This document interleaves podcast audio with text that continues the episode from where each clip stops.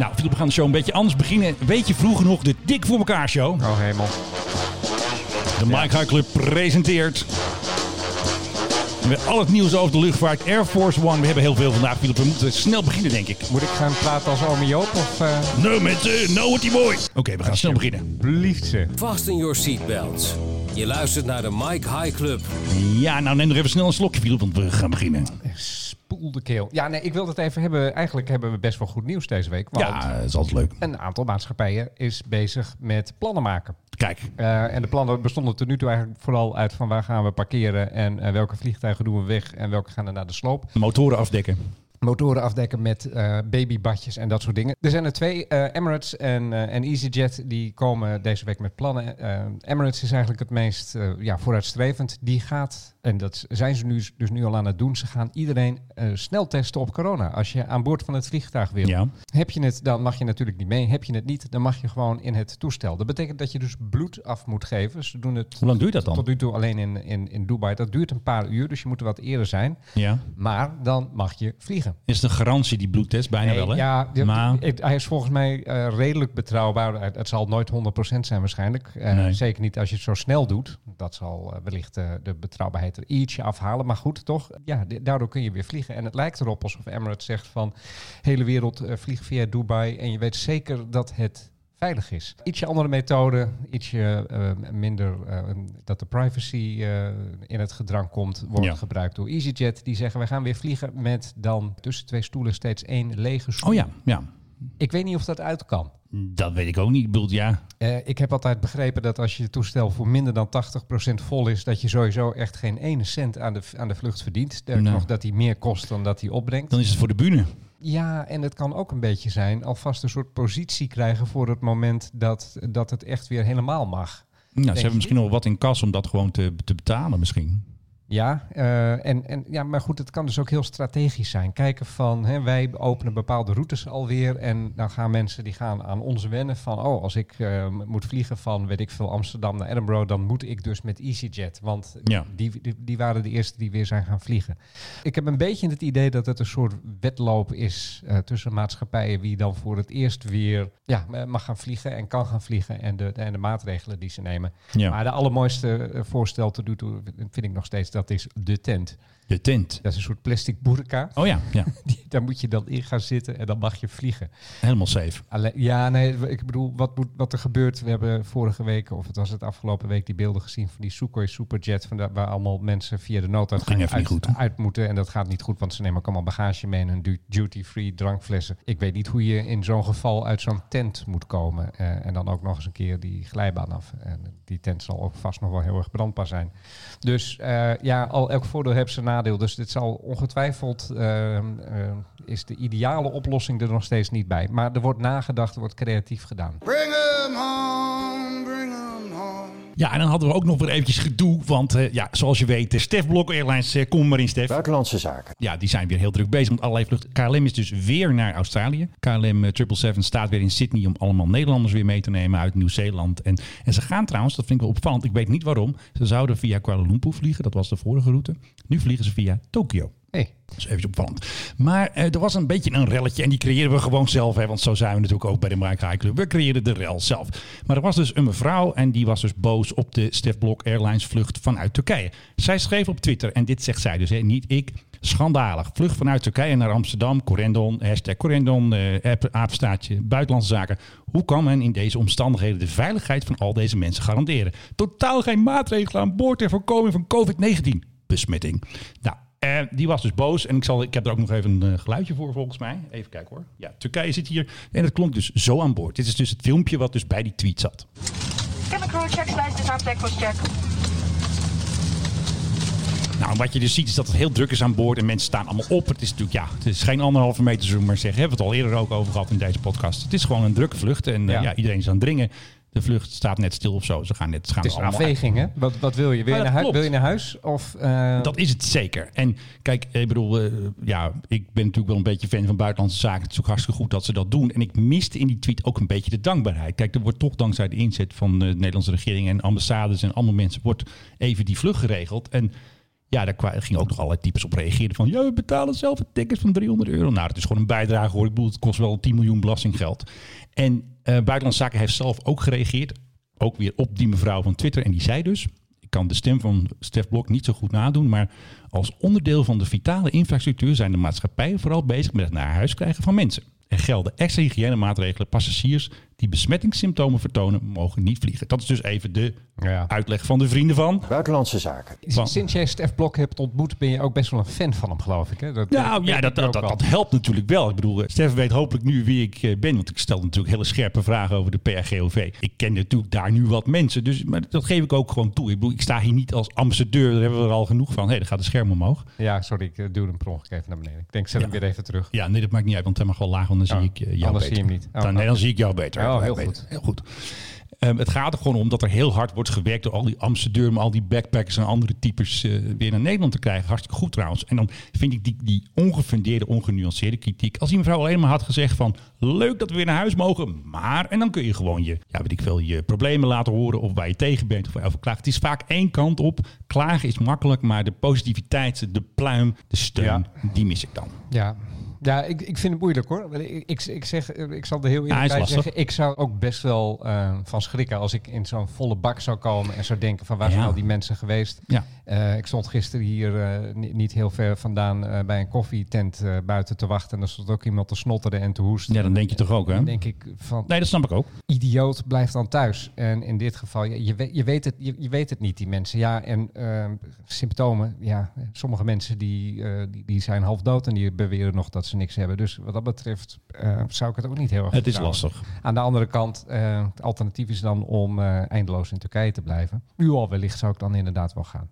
En, en anders koop twee stoelen. Ja, maar weet je dat- zeker dat je een lege stoel naast Nee, precies. hebt. Maar als je dus met buitenlandse zaken terug gaat, heb je die keuze niet. hè. Je krijgt Nee, gewoon een ticket ik. en dan is hoe, het een hoe beetje heette die? Je, je had vroeger altijd, eh, een, een- wat was het, trompetist of saxofonist, die kocht altijd twee stoelen eh, in het vliegtuig. Oh. Eén- voor zichzelf en En eentje voor de en- en saxofoon. voor zijn saxofoon. Niet Harry Saxioni, hè? Ja, ja nee, het, was, het was volgens mij was het En- een, en was, Kenny Dulfer. was het een Amerikaan. Oh. Nee, nee, nee. Het was volgens mij was het een Amerikaan, heel beroemd. Die kon het ook betalen. En volgens mij waren het dan ook twee business class stoelen. Maar die kochten altijd standaard gewoon twee. En ook eh, andere mensen die het, ja, die het kunnen heb ik wel eens begrepen. Die kopen dan gewoon twee stoelen. Want dan weten ze zeker dat ze niemand naast zich hebben. Nou ja, het zou je zelf dus ook kunnen doen in deze periode. Misschien wel een idee eigenlijk ook voor luchtvaartmaatschappijen. Want Nou, gewoon aanbieden van, wil je twee stoelen? kan je eentje voor de halve prijs En dan één voor de halve prijs. Nou, Het helpt wel. advies eh, van de Mike High Club hier Nou, aan gratis advies, gratis tip, jongens. Doe, Tweede stoel, halve doe er wat mee. Dat is misschien leuk voor de aandeelhoudersvergadering van eh KLM. Cabin crew disarm was check. Hey, we doen eerst nog eventjes wat eh, non-corona nieuws. Wat dacht jij van? Helikopternieuws. Nou, dat is dus niet de Chinook, maar ehm, het squadron van de Chinook, die grote helikopter van de luchtmacht met twee, eh, ja, wat zijn het schroeven? Rotors. Twee rotors. Die was dus jarig. Nou, eigenlijk was de Chinook niet jarig, maar het squadron, hè, 298 eh, squadron, die was jarig. Dus de Chinook ging weer op tournee. En waar ga je dan heen? Dan ga je natuurlijk naar Schiphol. De halve luchtmacht is al op Schiphol geweest. De Apaches en het tankvliegtuig.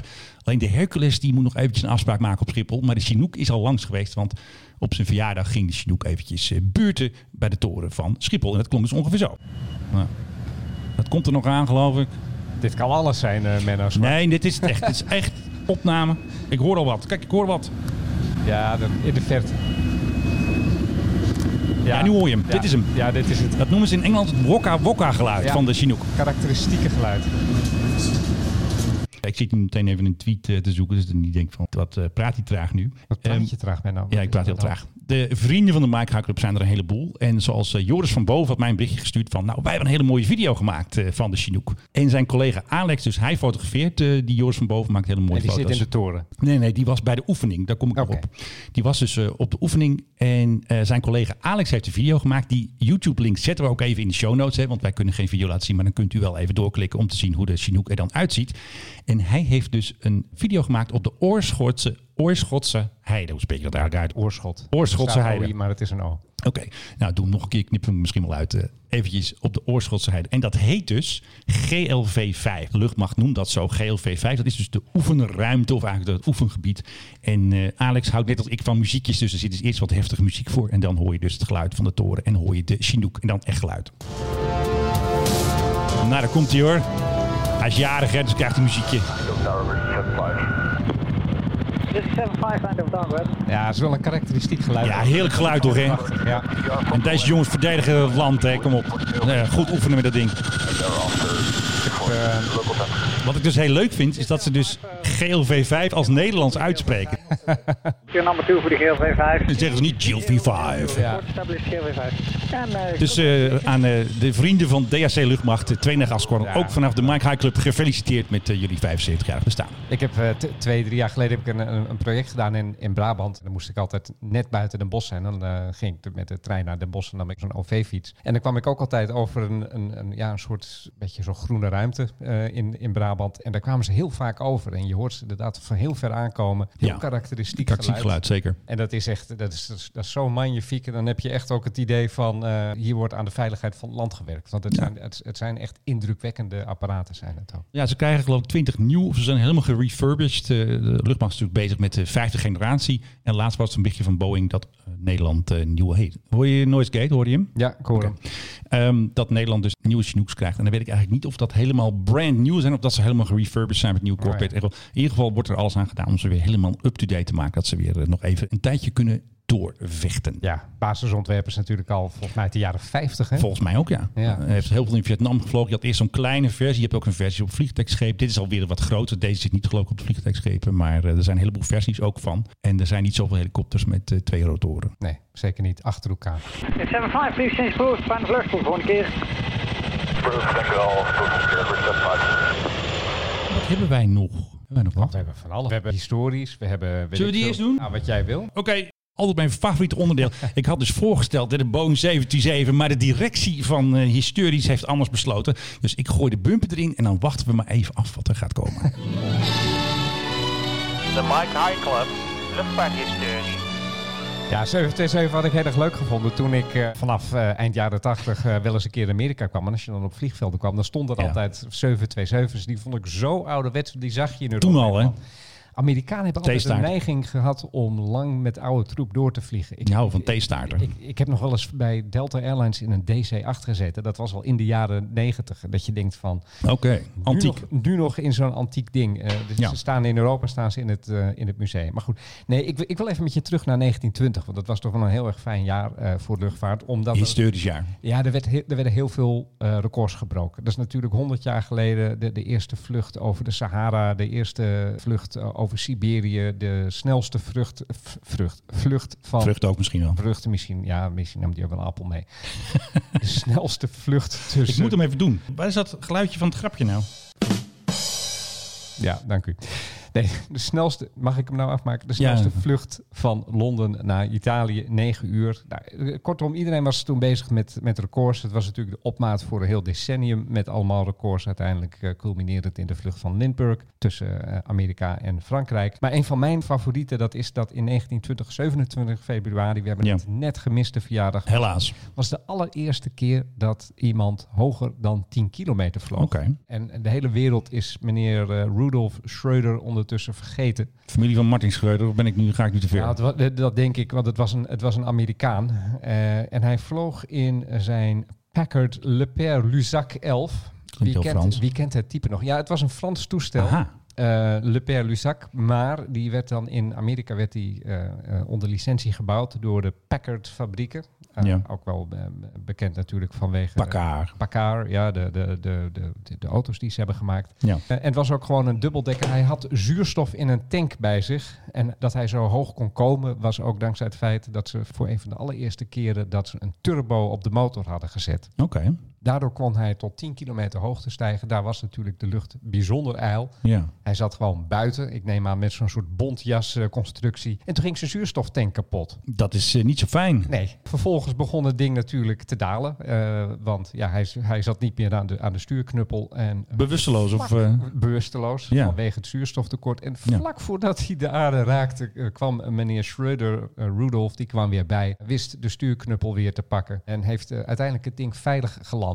Oké, gelukkig wel. Zo'n soort tijd was dat. Heerlijk, hè? Echt van die daredevils, van die mannen die zeiden van... ja, ik kan omkomen, het kan me niet schelen, ik ga gewoon. En de, de meest idiote vluchten werden toen uitgehaald. Ja, Ook, ook natuurlijk om ja, in de geschiedenisboeken terecht te komen. dat willen we allemaal. Eh, maar ja, meneer Schreuder, bijna is hij erin gebleven, maar we zijn hem vergeten. Tot de Mike High Club en die haalt Ja. hem gewoon weer even uit de Ja, wij eh, halen hem er eventjes uit het vet en wij bedanken hem eventjes. Moet je je even voorstellen dat je de, de- de- gewoon kruishoogte 10 kilometer, hè, waar je met een gewoon verkeersvliegtuig. Daar ben je gewend. Dat je in een, dat je in een dubbeldekker zit, buiten. Het is ook verrekt koud. Ik is aan. het- Dan is het eh, wat min, min 30, min Ja, 40. minstens, of zo. minstens. Minstens. Ligt ook aan de tijd. Want ja, maar goed, het is beren koud buiten, geen zuurstof. En je zit dan buiten in zo'n ding. Ja, Dat is toch, is toch heerlijk. dan zit je echt 8 miles high, denk ik wel, hè? Ja, ik, ik zat vanochtend, ik had Spotify aan. En, Tuurlijk. En toen kwam Die- Deze staat bovenaan natuurlijk bij jou. en- nee, het, het was een. Ik, ik gebruik zo'n. eh, zo'n dat dat je dan tegen Spotify zegt van. eh, sp- speel wat. Luchtvaarthits. Speel wat waarvan je denkt dat ik leuk vind. Eh, en toen kwam deze, die kwam voorbij. En ik, ik, ik zat gelijk van. Oh, de podcast. Ik moet iets. Ja, moet iets je, moet daar aan de gang, je moet hierheen, je, moet naar de studio om snel weer een nieuwe podcast Ja. op te nemen. Ja. Nou, heel interessant. Genoeg geweest. Zo is dat. Ja, nou, eh, nog één keer dan. eh, ik heb hier nog wel ergens een eindje zitten. Ja, we hebben nog een eindje altijd hè, van eh 8 Miles High. Dit is ons, ons vaste eindje. Nou, Philip, hartstikke leuk, eh, die man met die zuurstofcabine. en we gaan weer heel snel verder. Want ja, ik heb toch maar even de bumper van, eh, hoe heet die, eh, wat is de PHGOV? Maar dat is dan eventjes als eh, kapstok voor regeringsvliegtuigen. En dan is het nu de hoogste tijd voor... Hé, hey, waar is de PHGOV? Papa Oscar Victor, one is ook een heel mooi tunetje natuurlijk. Ja, dat moeten we, Hij moeten we blijft- eventjes... hij blijft goed. Hij blijft goed. Michiel heeft dat heel mooi ingesproken. We gaan het niet hebben over de PRGOV, want ja, die staat al sinds 13 maart. De vaste luisteraars weten. Het staat hier werkloos in hangar 10 op Schiphol-Oost. Wacht hij natuurlijk op de koning. Ik ben trouwens wel benieuwd, als straks de koning jarig is, of hij dan misschien toch... Nou, ik denk het niet. Nee, de koning zal niet gaan vliegen naar boven. Nederland. Nou, misschien, kijk, wat Dat, dus... is, dat is eigenlijk, is dat, we hebben hier alleen maar goede ideeën vandaag. Een Eigenlijk wel. vlucht boven Nederland niet al. Om het land te zien. Er is, er is nu toch voor de rest en dan gewoon alle provincies doen. Ja, en iedereen heeft het ook al gedaan. Hè. De Gulfstream heeft al boven het land gevlogen. En dan overal, weet je wel, dat je even met Eventjes, je, met je, eh, met de je, wing, eh, eh, salute, wing salute doet. ja, wing salute. Een beetje, beetje wiebelen. Ik vind het een heel goed idee. En dan eventjes... Willem-Alexander, vlieg over alle provincies. Ja, en ga ook even landen. hè. Ga ook even kijken in eh, Leeuwarden, Eelde, Eelde, Maastricht Maastricht. ja. Eventjes een tour met de PRGV. Want dan krijgt het ding ook weer eventjes wat lichaamsbeweging. Dus Ja. dat is natuurlijk belangrijk. Ja, moet. Ik vind het een heel goed eh, idee. Maar wat ik dus wilde vertellen. Op zijn verjaardag gaat de koning vaak, of het is al een paar keer gebeurd, met het regeringsvliegtuig gaat hij dan naar Griekenland. Naar zijn eh, Griekse huisje. Ja, zo'n stulpje. Ja. Maar dat denk ik niet dat hij dat met coronatijd gaat doen. Nee, hij zal gewoon lekker binnen blijven. Maar we houden het wel in de gaten. Want zodra dat ding die kast aanzet, dan weten wij wat Jij weet het, hè? Ja, jij hoort het Ik altijd. heb hier een hele grote radarantenne. En ik heb, eh, wat ik ook heb, ik heb afspraken met de jongens van de AWACS. Hè, die altijd zo mooi boven Nederland in zo'n cirkel ziet vliegen. Die, Ja. eh, die, die tippen mij als ze hem zien vliegen. Dus Die ken, dan, eh, die ken jij ook weer. ja, die ken ik ook. Dus zeggen jongens, eh, de koning vliegt weer die ken jij niet. maar, maar we gaan het hebben, Filip, over de grote broer van de PRGOV. Dat is natuurlijk de Air Force One. Aha, ja. En om een beetje de spanning op te bouwen, begin ik even met een subnieuwtje over de huidige Air Force One. Een van de, er zijn er dus twee, hè, twee van die grote Boeing 747-200's. Eentje die heeft een onderhoudsbeurt ehm, gehad. En dan doen ze dan zo'n bericht in Amerika. Er staat eigenlijk 52 dagen voor, maar ze delen het in bijvoorbeeld, nou, zeg maar 28 dagen of eh, 27. Dus hij is weer helemaal klaar voor de toekomst. En eh, hij kan weer even een tijdje doortuffen met eh, Trump aan boord en zijn andere vrienden om weer eh, verder te gaan. Maar wat wij altijd volgen bij de Mike Club is de in aanbouw zijnde nieuwe Air Force One. Hè. Dat is de VC-25B, want de huidige heet, heet, heet VC-25A. Dus de nieuwe heet dan B. En toen zag ik een berichtje op internet. Boeing mag natuurlijk dat ding maken. Hè, dat kost 4,9 miljard voor twee toestellen. Ze maken nieuwe hangars, gaan dat toestel helemaal mooi bouwen. Allemaal kabels erin. Het zijn natuurlijk oude Russische Boeing eh, 747-8i. Die worden omgekat. En dat wordt dus het nieuwe vliegtuig. Maar nu mogen ze ook het handboek maken. Hè. Natuurlijk allemaal instructies van hoe moet je hem vliegen. Boeing mag het handboek maken. Natuurlijk, Boeing heeft van de regering geld gekregen om dat handboek te maken. Dus Ja. de instructies en hoe dat ding werkt. En dan mag jij raden hoeveel dat kost. Dus het handboek. Drie ton Nee, in dollars. Oh. Nee. Drie, Nee. drie miljoen. Denk Boeing hè, en denk dat het heel veel geld kost en dat het een heel duur vliegtuig is. Dus Maar het is al meer dan die 3 miljoen. ja, die 3 miljoen, de, dan krijg je niet eens de, een blaadje. Dat is, dat is één bladzijde, denk Oh, de- ik. de- 13 miljoen. De- 30 miljoen. Nee, nee, nee. Echt niet. Eh, Ik kan er niet meer van maken, helaas. Weet, weet ik veel. eh 60, de dubbele. 60 miljoen. Nee, ook niet. We hebben het over Meer. dollars. Meer nog. Ja, we, we hebben het over dollars. Hè. 100 miljoen. Nou, nou, dat dan weer net niet. Voor de prijs van eh, 84 miljoen dollar, dat is bijna Hè? de prijs van de PRGOV, dat krijgt Boeing voor de manuals. Hè? Ja, het is echt zo. En als jij naar de dealer gaat en je koopt een, je, je, je hebt een hele eh, mooie Volvo, maar je wil een nieuwe Volvo en je zegt eh, van nou, hier, ik wil die Volvo. Dan zegt die man die zegt nou, dat is 40.000 euro. Hier Ja. je ja, is goed, hier 40.000 euro.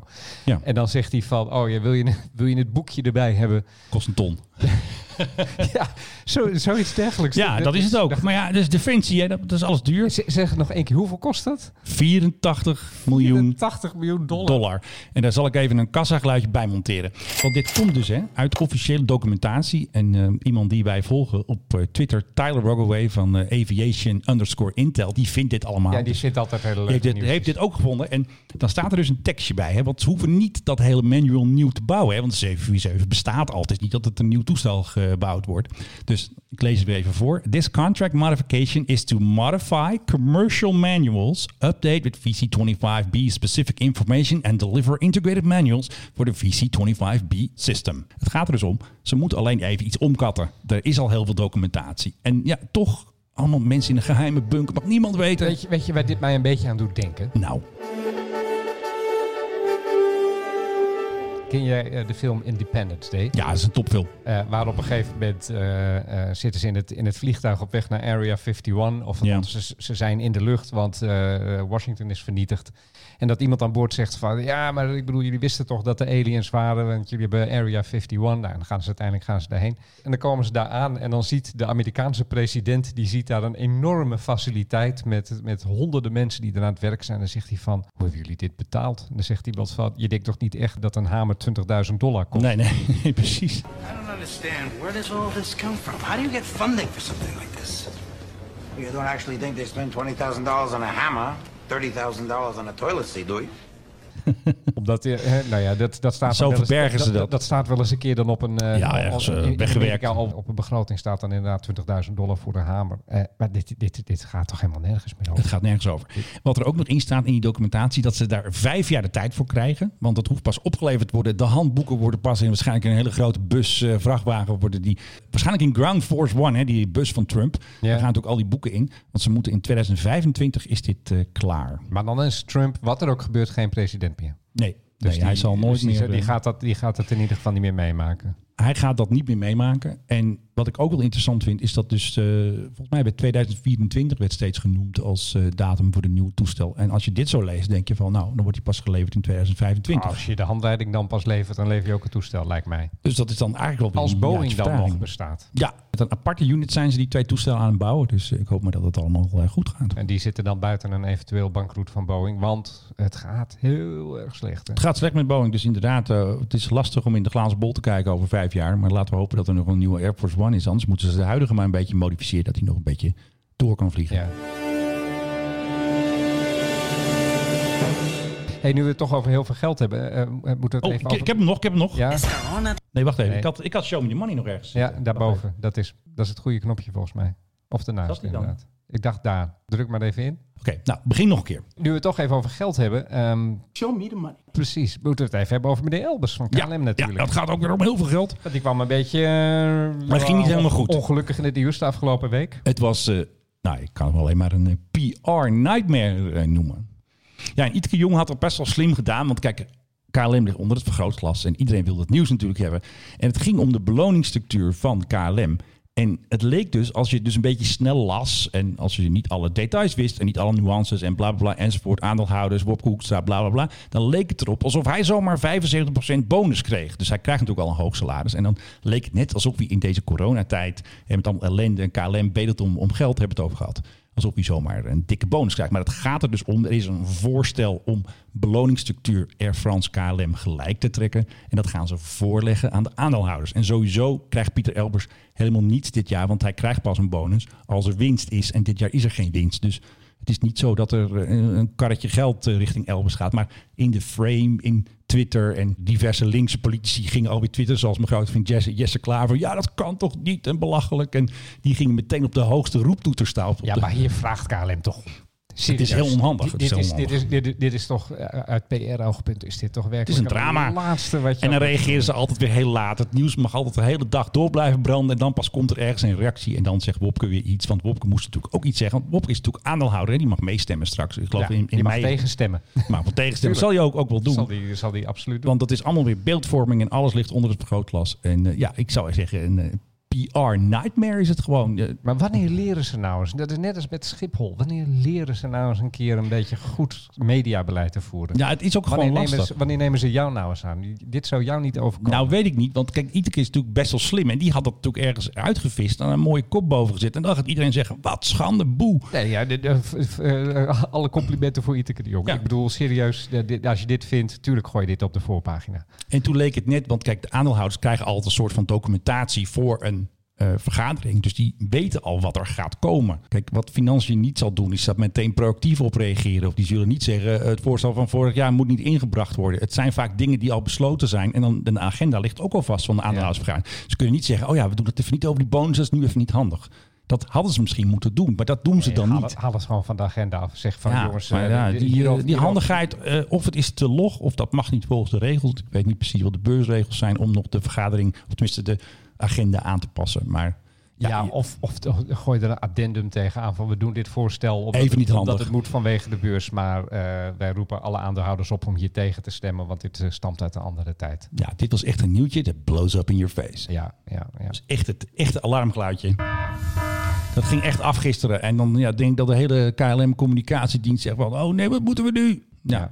dit is niet goed voor de beeldvorming. Want ja, een luchtvaart hij heeft toch altijd al een beetje de imago van... het zijn graaien, ze denken aan zichzelf. En het management gaat zichzelf weer wat toestoppen. Ja. En ja, de beeldvorming, dat is, soms is er geen kruid tegen gewassen. Ja, even tussendoor. Na de opname van onze podcast werd bekend dat KLM het voorstel intrekt om de variabele beloning van topman Pieter Elbers te verhogen.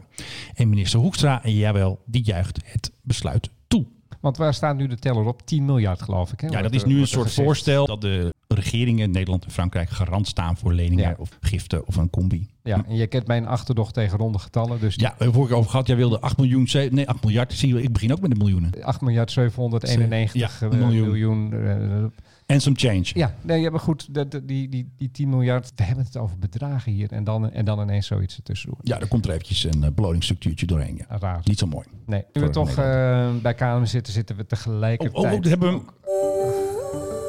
Oh, kunnen we, de zwanenzang. kunnen, kan KLM die alsjeblieft ook afschaffen? Dit soort Brian Eno imitatie. Ehm, nee, maar goed. Nu vraag je erom, want Oh. hier komt mijn KLM liedje. Die heb ik altijd klaarstaan. En deze keer krijg jij hem speciaal.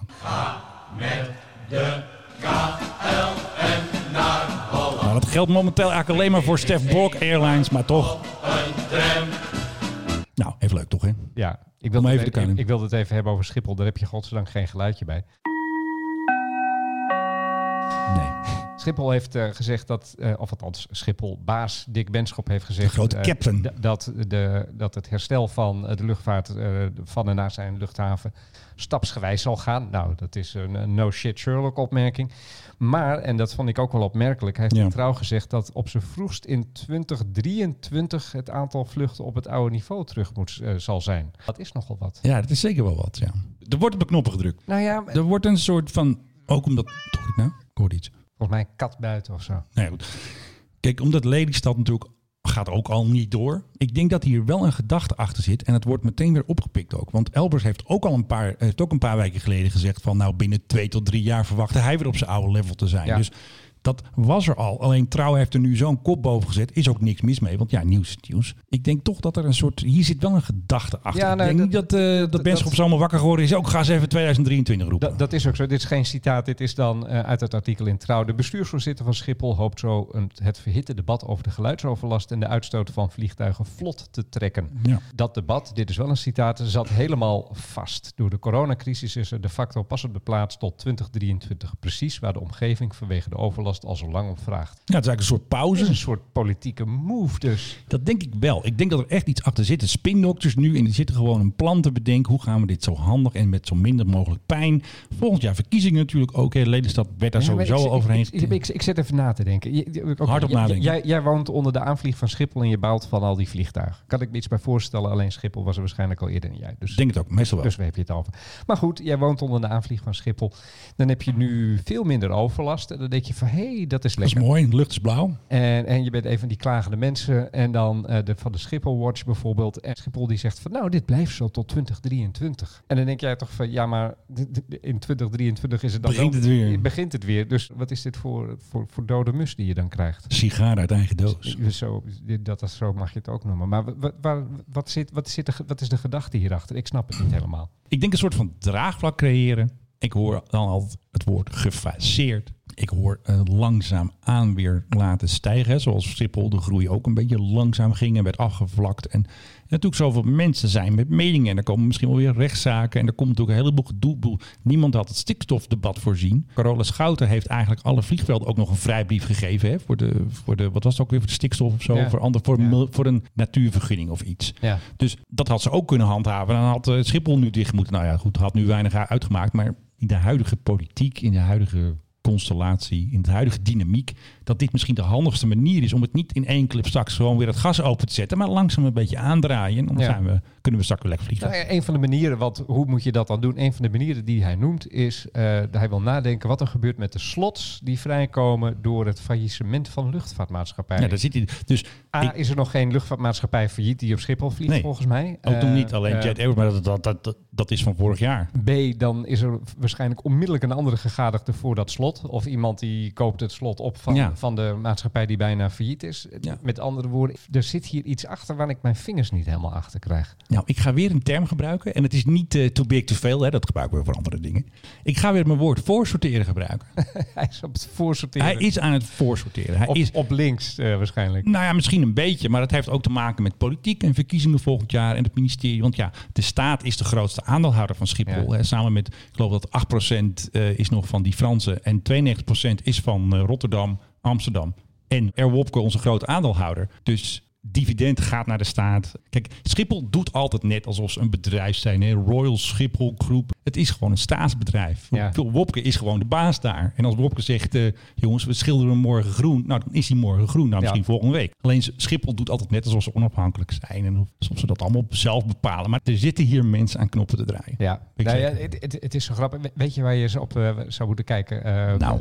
Aart Lensink. ik ken Ja, die ken ik, ja. ken, ken hem nog van heel vroeger. We hebben ooit samen een opleiding gedaan. Die heeft een groot communicatiebureau in ik Amersfoort. Die houdt op Twitter bij alle mensen die roepen dat alles anders gaat worden na de, na de coronacrisis. En, en, de, en de teller staat nu op. Weet ik veel. Dit is al heel erg. de- de- iedereen, iedereen, hem wel goed. iedereen die roept van oh alles wordt anders en Ja. dit wordt anders en Ja, dit is het anders. moment om keuzes te maken. En je, en je weet mijn eh, cynische kijk op dingen. Ik denk dat alles weer teruggaat naar het oude zodra dit voorbij is. Eh, en ook de luchtvaart gewoon teruggaat naar het oude. Ik, ik bedoel, wat, wat, wat willen we anders? Nou, met de KLM naar Holland of weer naar Bali. Schiphol op slot gooien en dan zeggen van nou ja, geen goedkope vluchtjes meer. Ja, dat, dat krijg je nu weer. Hè. Het, Jawel, het begint weer. internationale concurrentie. En straks doet Brussel het wel. En straks doet Düsseldorf Ja, het wel. Nederland is een eiland, en, hè? En, en, en straks doet, weet ik veel, de, de EasyJet vanaf, vanaf Londen, die doet het wel. Nee, we gaan Nederland afkoppelen. We drijven de Noordzee in en Nederland wordt een eiland. Het- ik eh, zie dat dus echt niet gebeuren. Maar mensen gaan nu weer die hele frame starten. Hè. Helaas doe ik het ook wel als die discussie op Twitter. Dan wordt er weer gezegd pretvluchten. Ja, wie bepaalt? Oh, je kan ook met de trein gaan. Ja, vier dagen naar Malaga geloof ik. Of naar, eh, wat is het ook weer? Naar uh, Torremolinos. Ja, maar weet je, dat is ook dus duurder, hè? Ja, natuurlijk is dat duurder. Ik ga graag met de trein als het, eh, Als het kan. Als het kan. Ik bedoel, eh, voor korte vluchten sowieso. Ja. Als er een alternatief is naar Parijs, ga ik echt niet vliegen. Nee. Maar eh, naar Londen is nu een twijfelgeval. Maar het is duurder. De vorige keer dat ik naar Londen ging, wanneer was het? Eh, november. Toen dacht ik, weet je, ik ga eens kijken of ik met de trein kan via die tunnel. En ondertussen, Het duurt langer en het is duurder. Nou, ja, EasyJet. Tadaa. ja, dat krijg je toch wel. En de wetgeving gaat toch altijd achter de disruptors. Eh, Die loopt altijd achter. Er zal altijd iemand iets verzinnen. We gaan dit doen of we gaan dat doen. Ja. En Nederland eh, denkt heel vaak, en sommige politici denken dat wij zijn een eiland. En de, de rest, de boze buitenwereld mag doen wat ze willen, maar wij niet. Ja, maar goed, als alle voortekenen eh, niet bedriegen, dan gaat Nederland, die gaat, dat gaat ook weer gewoon open. Je ziet nu al een soort kleine wedloop tussen landen die dan dingen weer toestaan, eh, die bepaalde beperkingen eraf halen. Behalve Frankrijk, dat, dat blijft helemaal op slot. Het, Ja. het land zit echt letterlijk op slot. Wist je dat daar s'avonds bovendien de straatverlichting uitgaat? Waar? In Frankrijk.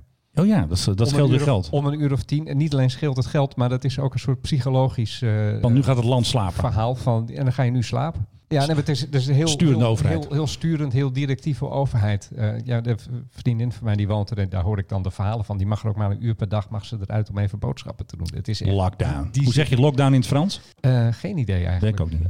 Maar goed, die zitten, die zitten echt, echt binnen.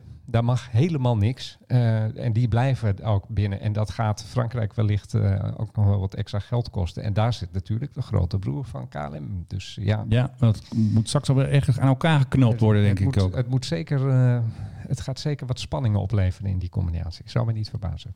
Ik heb nog een leuk Fokker nieuwtje. Fokker. Fokker, ja. Bestaat dat dan nog? Fokker bestaat, dus de vliegtuigen bestaan nog. Fokker zelf is eh, natuurlijk onderdeel eh, van, hoe heet het ook alweer? Eh, niet GRQ, nee, GKN Aerospace. PRGOV hebben ze binnenwerk gebouwd. En onder de naam Fokker worden er nog steeds dingen gemaakt. In Woensdrecht hebben ze een aantal installaties. Fokker Services, Fokker Techniek. Dus als jij met je Fokker of met je Boeing wat nodig hebt, dan regelen ze dat. Maar er waren dus twee Fokkers en die vlogen zomaar vanaf Cyprus naar Groningen. Ja, dacht ik van, hey, ja, wat Ja. is dat allemaal? Het blijkt dus, ook Groningen denkt van, ja, Groningen-Eelde. Het is natuurlijk gewoon in Drenthe. Ik dacht altijd dat het in Groningen was. Klopt Net- niet. Net over, de, grens. Ja. En ehm, wat ze daar dus aanbieden in Groningen ook, van nou, als jij een paar vliegdagen over hebt vanwege coronacrisis, dan kun je ze daar parkeren. Dus een Fokker 70 en een Fokker 100. En die worden dus, eh, dat is dus een Nederlands bedrijf, tenminste ze hebben een Nederlandse vestiging, Southern Cross International. Die mensen van Southern Cross, die vliegen dus de toestellen. Ja. Dus die gaan dus met een heel team van, nou jongens, eh, regel zelf het vervoer maar, want daar hoeven wij niet, niet tussen te zitten. Dus die, eh hoe heet het nou ook alweer? Eh TUS Airways in Cyprus Ja. heeft dus een, eh, ja, een eh, citation gestuurd. Het team van Southern Cross ging dus naar Cyprus. Leuk vluchtje, denk ik. En toen stapten ze daar aan boord, de, de piloten van de Fokker 70 en Fokker 100. En toen vol gas naar Groningen. Ja, en eventjes de, de grote puppenquiz vraag van vandaag. Wat Ja. is de airportcode van Groningen Airport? GRQ. Heel goed. Kijk, Ja. first bier gewonnen, Menno. Ja, maar waar is mijn champagne nou? Ja, ik weet dat toevallig, want mijn allereerste vlucht ooit was van GRQ. Vanaf Groningen. Ja, We gingen toen naar naar Torremolinos. Ja, nee, mijn, mijn broer die werkte bij de KLM Ja.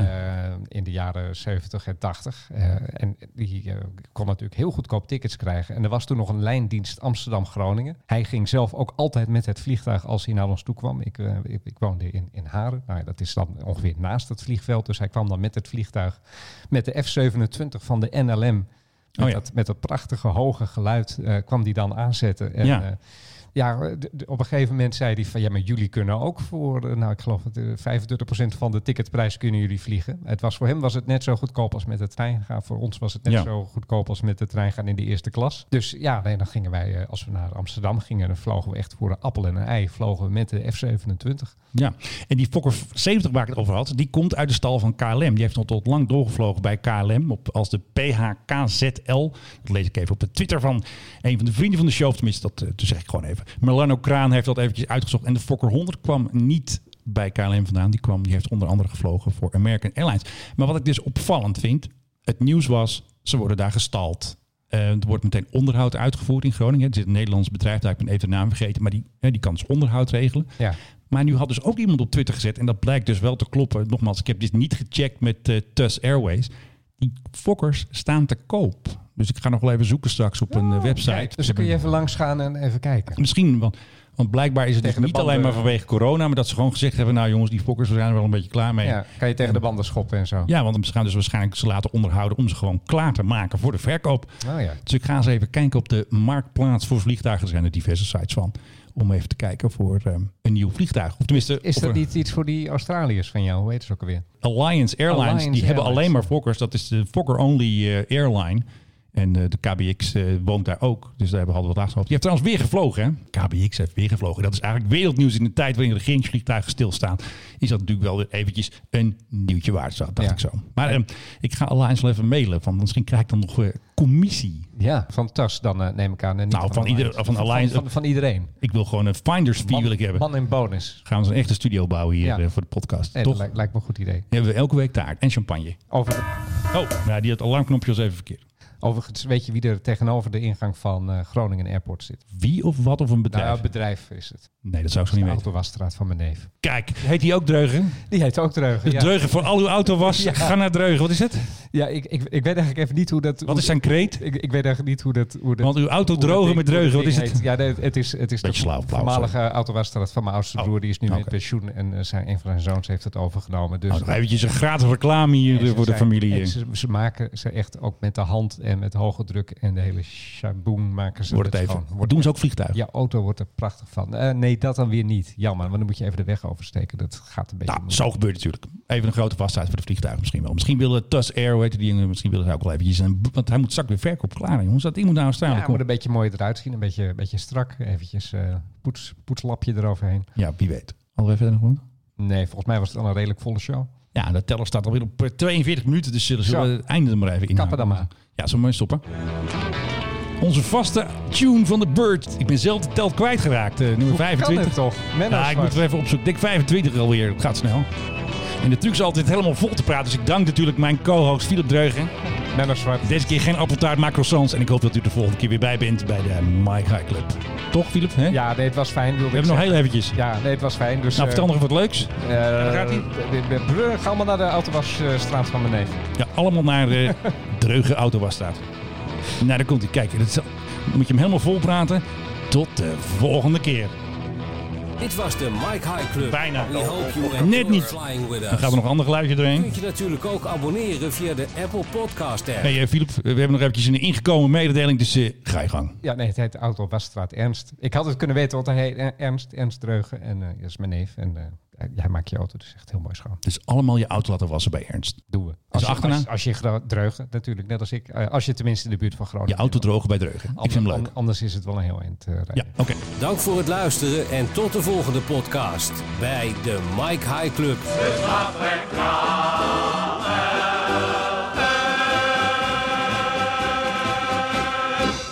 Ach, vlieger eens uit.